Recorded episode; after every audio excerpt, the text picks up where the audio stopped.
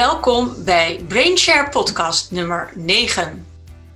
Vandaag is onze gast Laura Beljaars, ervaringsdeskundige met Gilles Latourette en ADD.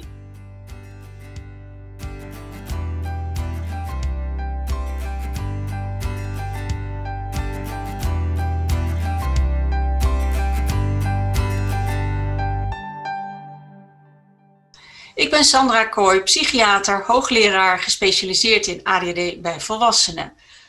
Laura voltooide de PABO, maar moest haar studie psychologie helaas staken vanwege de klachten. Laura zet zich in voor mensen met tics en andere problemen. Ze doet vrijwilligerswerk voor de Stichting Gilles de la Tourette en geeft voorlichting via haar, via haar online blogs en website over leven met tics en ADD. Ik ken haar van de specialismegroep Neurobiologische Ontwikkelingsstoornissen van de Parnassia Groep, waar zij werkt als ervaringsdeskundige. Welkom Laura. Ik ben heel blij dat je vandaag onze gast wil zijn. En vandaag gaan we het hebben over prikkelgevoeligheid bij ADHD en andere ontwikkelingsstoornissen, wat we ervan weten en wat er aan te doen is. Bij PsyQ hebben we onderzoek gedaan naar overgevoeligheid voor licht bij mensen met ADHD en daar komt uit dat 70% van de mensen daar last van heeft. En zodanig dat ze ook bijna alle dagen van het jaar zonnebrillen dragen om hun ogen daartegen te beschermen. In een ander onderzoek blijkt dat zeker 50% overgevoelig is voor geluid. Dus dat als een baby huilt, dat je helemaal gek wordt van het geluid of als een sirene langs gaat. Ook onderzochten we of die overgevoeligheid voor zintuigelijke prikkels eigenlijk iets is wat meer bij autisme hoort, want die mensen hebben het ook vaak, of dat het ook voorkomt bij mensen met ADD zonder autisme-kenmerk. Het bleek bij beide aandoeningen voor te komen en dus niet alleen typisch te zijn voor mensen met autisme. Nou, dat is ongeveer wat, uh, wat ik nou een beetje weet van overgevoeligheid voor zintuigelijke prikkels. Maar ik vind het heel interessant om het nou eens van jou te horen, die het dagelijks ervaart. Kan je vertellen wat prikkelgevoeligheid precies is en hoe dat zich gaat, kan uit bij jou? Ja, dat kan ik zeker vertellen. Ehm, dat uh, uit zich vooral in, um, in vermoeidheid en um, een vol hoofd, zeg maar. Dus wat er eigenlijk gebeurt, is dat er, uh, je kunt het een beetje voor je zien in een metafoor met dat je een hotel hebt en er staat zo'n uitsmijter uh, voor de deur. En die uitsmijter die Um, ja, die moeten even kijken. Mensen die een kamer hebben of in het restaurant een reservering hebben, die mogen naar binnen. En andere mensen houdt die buiten, want die hebben er eigenlijk niks te zoeken. En um, als je heel erg prikkelgevoelig bent, dan is die uitsmijter eigenlijk een beetje lui, als het ware. Dus die laat dan gewoon alles en iedereen binnen. En je kunt je voorstellen dat als het hele hotel vol loopt met allemaal mensen die daar niks te zoeken, hebt, uh, niks te zoeken hebben, dan ja, dat is niet prettig. Dat is heel druk. Het is heel um, onhandig en je wordt er snel door afgeleid. En um, je kunt je eigenlijk niet meer uh, goed richten op de dingen waar je op wil richten. Bijvoorbeeld, welke kamer is mijn kamer of welk eten wil ik bestellen. Uh, omdat er gewoon van alles rondloopt um, ja, wat daar niet in thuis hoort. Dat is een beetje hoe, uh, hoe het voelt. En dat uitzicht dus in heel snel afgeleid zijn, concentratieproblemen, maar ook vermoeidheid um, slechter kunnen slapen, dat soort dingen. Ja, dus, maar gaat het nou over geluid vooral of over licht? Of uh, kan je zeggen welke zintuigen er allemaal bij betrokken zijn? Eigenlijk zijn ze er allemaal bij betrokken. De voorbeelden qua uh, geluid en licht en uh, zien natuurlijk zijn iets makkelijker omdat je die de hele tijd heel bewust hebt. Bijvoorbeeld als er sneeuw buiten ligt, dat is heel erg fel, zeker als de zon erop staat. Dus dat, ja, dat merk je direct in je ogen. Mhm. um, en geluid is natuurlijk ook een hele logische. Als, uh, wat jij net al zei, als een, een, baby gaat huilen, dat je dat dan meteen hoort. En uh, ook veel harder hoort. Maar het is ook bijvoorbeeld met smaak. Dus dat je, uh, als je iets heel pittigs eet, dat dat ook extra pittig binnenkomt. Of um, ja, welke zintuigen heb je nog meer? Aanraken. Met aanraken zeker. Uh, bijvoorbeeld um, uh, labeltjes in kleren die je er dan op een hele precieze manier uit moet knippen, want anders wordt het alleen maar erger. Um, ja, dat soort dingen. En, uh, en dan hebben we ook nog reuk. Dus als het bijvoorbeeld heel erg stinkt ergens, dat je dan ook niet meer kunt concentreren op hetgene wat je wil doen. Dus ja, eigenlijk met alle zintuigen ehm, heeft dat te maken. Je bent je alleen, tenminste, ik ben me alleen vaak veel meer bewust van het, het horen en zien. Mhm. Het lijkt me wel eh, een belasting uh, als je zintuigen niet goed filteren. Hè? Daar gaat het eigenlijk over. Mhm. en, en je daarmee nog meer afleiden en nog meer vermoeien, omdat je te veel moet verwerken als het ware. Ja, dat is inderdaad het, het probleem dan, dat je ehm, ja, weer terug naar dat hotel gaan. Als al die mensen binnenkomen, moet je ze er ook of allemaal een kamer geven of eruit werken of wat je. Je moet er iets mee. En als ze al niet binnenkomen, dan hoef je er ook niks mee. En dat is, ehm, ja, dat is waar het filter, eh, het filter eigenlijk voor is. Dat je, ehm, ja, dat je die dingen niet ook nog, de dingen die niet nuttig zijn, niet ook moet verwerken. En dat is uh, met een uh, slechter of luier uh, prikkelfilter, moet je die wel allemaal verwerken. Ja, het doet me denken aan mijn mailbox eigenlijk. Ja. waar ontzettend veel rotzooi binnenkomt van mensen waar ik niet om gevraagd heb, die iets aan mij kwijt willen of iets van mij willen. Heel mm -hmm. veel reclame. En dat moet ik toch even bekijken voor ik het kan weggooien. En dat, daar word je ook doodmoe van. Ja, precies. En als je dat dan vergelijkt met bijvoorbeeld een Gmail, die heeft zo'n automatische uh, primair uh, reclame en sociaal uh, inbox. En dan die filtert dus automatisch. En soms filtert het ook te goed hoor, want dan krijg je mailtjes die je wel wil hebben, die komen dan daarin terecht. Mm. Maar die filtert dan al voor je, zodat je daar niet meer inderdaad helemaal doorheen hoeft. Ja. Um, maar als je erin wil kijken, dan kan het wel. En dat is natuurlijk wel heel handig. Zeker, dat wist ik niet. Wat goed. uh, ja, nou vraag ik me toch af, waar komt dat nou door, denk je, dat, dat die filter zo slecht werkt bij ADHD en ADD? Ja, daar ben jij meer van, hè? maar ik weet het niet. Daar, ik denk, ik ga het eens aan iemand vragen die het ervaart. Heb je ooit gemerkt dat er dingen zijn die, er, die het eh, beter maken en dingen die het verslechteren? Ja, um, in principe, uh, het zorgt er ook voor dat je, dat je veel meer um, oog voor detail hebt bijvoorbeeld en, en, creatiever kunt zijn, omdat er zoveel in je hoofd zit wat je um, dan weer op een andere manier kunt verwerken dan anderen eventueel. Um, ja, en, en, wat het beter maakt en slechter maakt, ja, ik, ik zit nu naar de sneeuw te kijken. Ik ben echt mega moe deze dagen. Gewoon echt omdat het uh, omdat het zoveel prikkels geeft, uh, al dat wit. Um, dus je kunt daar zelf natuurlijk thuis ook wel wat mee. Um, bijvoorbeeld een hele simpele is om um, geen open kasten te hebben. Als, een, uh, als er een deur voor zit, dan, heb je al, dan hoef je niet alle losse dingen te zien. Dan zie je alleen de deur. En dat soort dingen helpt al heel veel. Dus opruimen helpt? Ja, ik, ik noem het heel bewust geen opruimen, omdat ik dan van mijn moeder in mijn oor hoor die zegt, uh, ja, dat moet je dan wel eens doen. Maar ja. je kunt het structureren. Ja, ja, ja, ja. ja. Het woord opruimen is al helemaal uh, beladen, begrijp ik. Ja, precies. Arm kind. Nou, wat lastig. Want het helpt je dus blijkbaar wel.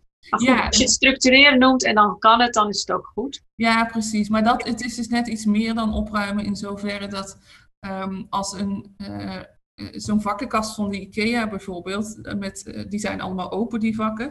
Dus ja. die helemaal vol stopt met, um, met kleine tierlantijntjes, dan brengt dat net zoveel prikkels als, als wanneer het een troep is, zeg maar. Mm -hmm. Dus de troep maar heb jij dan in je huis een uh, volledig uh, blanco bureau en een ontzettend uh, kale, schone kamer? Nee. Nee, ik zeg dat dat zou helpen. Ik zeg niet dat ik het altijd doe. Nee, um, het punt is namelijk dat ik ook juist op zoek ga naar prikkels. Dus dat is de andere kant van het verhaal. Waar in som, sommige gevallen uh, die um, uitsmeet, uitsmijter van het hotel um, mensen allemaal naar binnen laat, zijn er ook momenten dat hij ze allemaal tegenhoudt. En dan uh, kan het zijn dat de mensen die daar werken, die gaan dan denken, ja hallo, wij zitten hier te werken en we hebben niks te doen. Dus die gaan actief op zoek naar meer mensen voor in het hotel. Of ze vallen een beetje in slaap. Dus dat is de actieve en de passieve reactie. Ja. Um, en ja, dat is ook een, een kant. En dat merk ik vooral, denk ik dat dat echt een, een ADHD-stukje ook wel is. Dat je echt op zoek gaat naar prikkels waarbij je, um, omdat het anders te saai wordt of ja, ik weet eigenlijk niet waarom, maar omdat, omdat je gewoon, ja, dan word je heel bewegelijk en dan ga je het zitten wiebelen en uh, iedereen lastigvallen.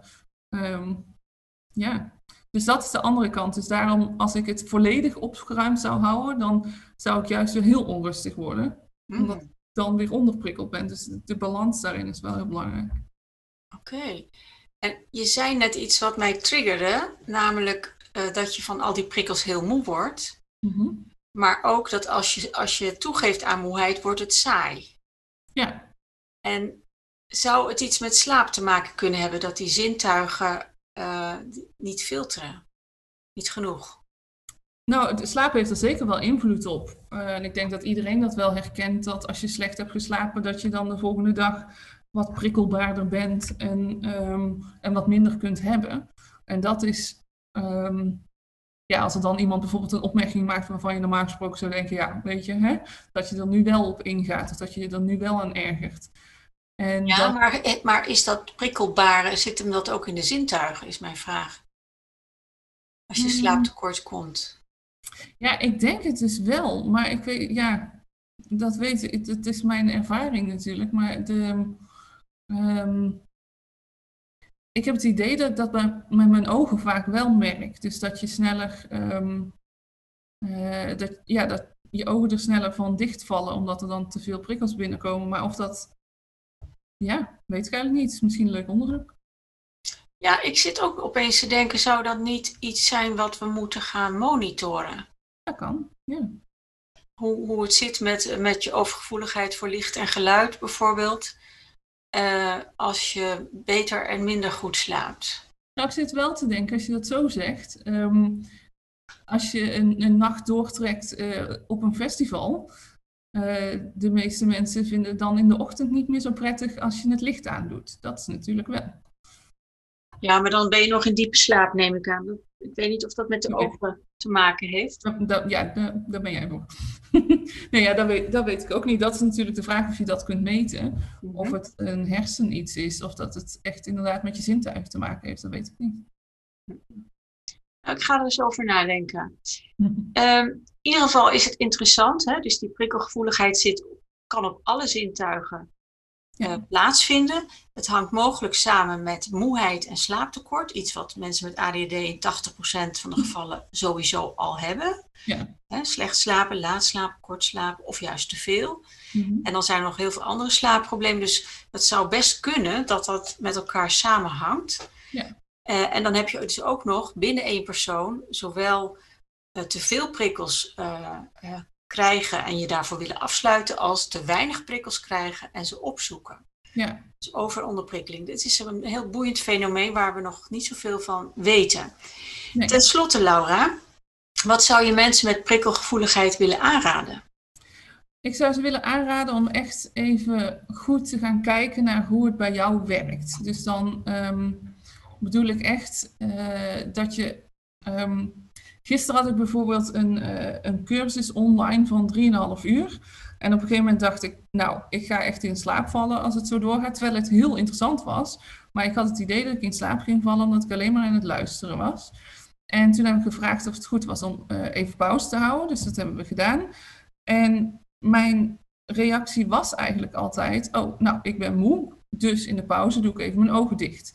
En wat ik nu heb gedaan, is ik heb een leuk liedje opgezet en ik ben als een gek door de kamer gaan dansen. En toen was het weer, ja, toen was ik weer actief, zeg maar. Dus dat, um, wat belangrijk is om je te realiseren, dat het dus niet altijd zo is als je je heel moe voelt, dat dat dan ook echt vermoeidheid is. Maar soms is het ook gewoon dat je weer even geprikkeld moet worden. Dat je hersenen weer even aangezet moeten worden. Je lichaam weer even aangezet moet worden. Um, en als je op een gegeven moment heel goed gaat opletten wanneer wat uitlokt of welk gevoel het is, en uh, het kan natuurlijk nooit kwaad om als je denkt, oké, ik ben moe, maar ik weet niet of het overprikkeling of onderprikkeling is. Nou, ga even een minuut staan dansen of een halve minuut en dan merk je vanzelf welke van de twee het is. Dus je kunt daar best wel invloed op uitoefenen. En ik denk dat dat, um, ja, ik vind het altijd heel fijn als ik zelf wat controle heb en wat invloed kan uitoefenen. En in dit geval denk ik dat, um, ja, aldoende leert men. Um, dat dat ook echt wel, uh, wel kan. En uh, ik had zelfs, uh, die heb ik nu toevallig niet bij de hand, maar die, um, ik had een, een squeeze, squeeze voetballetje, zeg maar. Dus daar kun je dan in knijpen. En die had ik tijdens die cursus gisteren ook al even gebruikt. En hoe meer ik daarin kneep, hoe meer ik merkte dat ik weer wakker werd. Dus dan weet je ook, oké, dan is het dus niet dat ik moe ben, maar dan is het gewoon dat ik ja, even alles meer moet activeren. En dat, um, ja, daar kun je zelf controle over hebben als je ervoor zorgt dat je dat soort dingen mee hebt. Ja, nou is het bekend natuurlijk dat mensen die uh, moe zijn niet goed kunnen focussen. Mm In slaap vallen tijdens lezingen. Dat, uh, zie ik ook wel eens als ik aan het praten ben. ik zie hun recht in het gezicht, dus ik zie het ook wanneer ze hun aandacht kwijtraken. Uh, we weten ook dat bewegen de aandacht bevordert en dat mensen met ADD dat ook graag doen juist om eh, fris in het hoofd te raken. Ik denk dat dat ook wel voor alle, alle mensen geldt. Dat het heel goed is om elke dag te bewegen en niet, eh, niet, niet uh, ja, minstens 30 minuten flink te bewegen. Um, en dat helpt ook weer voor de slaap. Dus het is een interessante cyclus. Mm -hmm. Waar die zintuigen iets, iets bijzonders uh, mee doen. Ja, de vraag is natuurlijk of, of het punt bij de zintuigen ligt of uh, in de hersenen, omdat het over alle zintuigen gaat. Kan ik me voorstellen dat het echt het het stukje hersenen erbij is, zeg maar. Ja. niet dus meer de verwerking dan de zintuigen zelf. Ja. Het zou heel goed kunnen. Laura, we gaan daar eens even samen verder over nadenken hoe we dat kunnen meten. Of hoe we daar eh, meer over te weten kunnen komen. Ik wil je heel hartelijk bedanken voor je input ja. en voor het delen van, uh, van je ervaring met ons. En wie weet tot een volgende ronde. Ja. Dankjewel. Dankjewel.